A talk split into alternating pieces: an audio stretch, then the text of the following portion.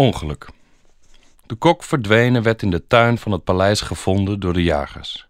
Het zou de openingszin van een sprookje kunnen zijn, maar de werkelijkheid is soms ook ongeloofwaardig, zo niet ongeloofwaardiger.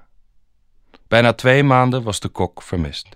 Net op het punt dat het onderzoek werd gestaakt, de familie en politie ervan uitgingen dat hij vrijwillig was verdwenen, vonden jagers zijn lichaam.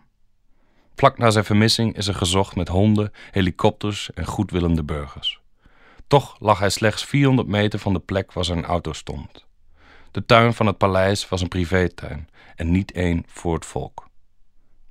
Het eerste waar ik aan dacht was dat hij een pak sneeuw over zich heen heeft gekregen en dat die sneeuw weer smolt. Ook dat was een verdwijning geweest. In Rusland noemen ze doodgevroren zwervers die in de lente gevonden worden verzachten sneeuwklokjes. Maar hoe je het ook noemt, het maakt de waarheid niet minder weerbarstig. Ik leerde Edwin Takens kennen bij het Bimhuis in Amsterdam, waar ik een bijbaantje had als kassamedewerker. Na mijn vertrek daar in december 2016 sprak ik hem lang niet.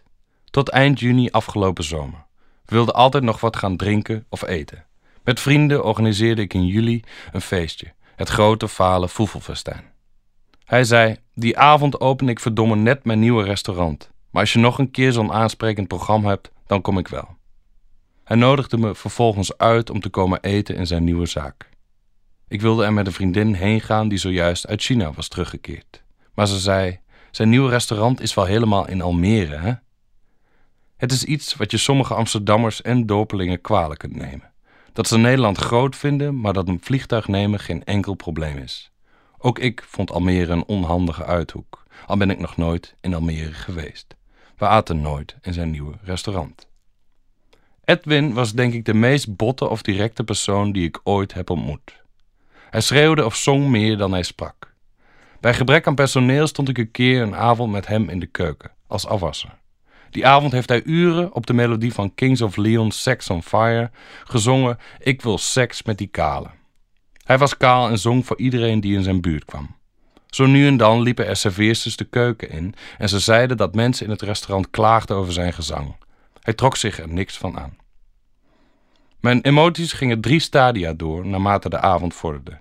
Eerst moest ik erom lachen, toen was er irritatie en tot slot glimlachen om zijn dwaze volharding.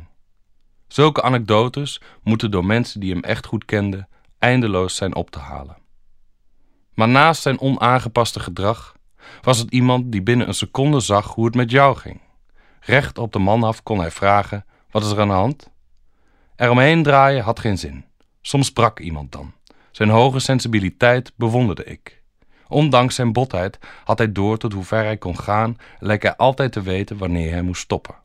Het is uiterst wrang om de vorige zin op te schrijven als je weet hoe zijn sprookje is geëindigd.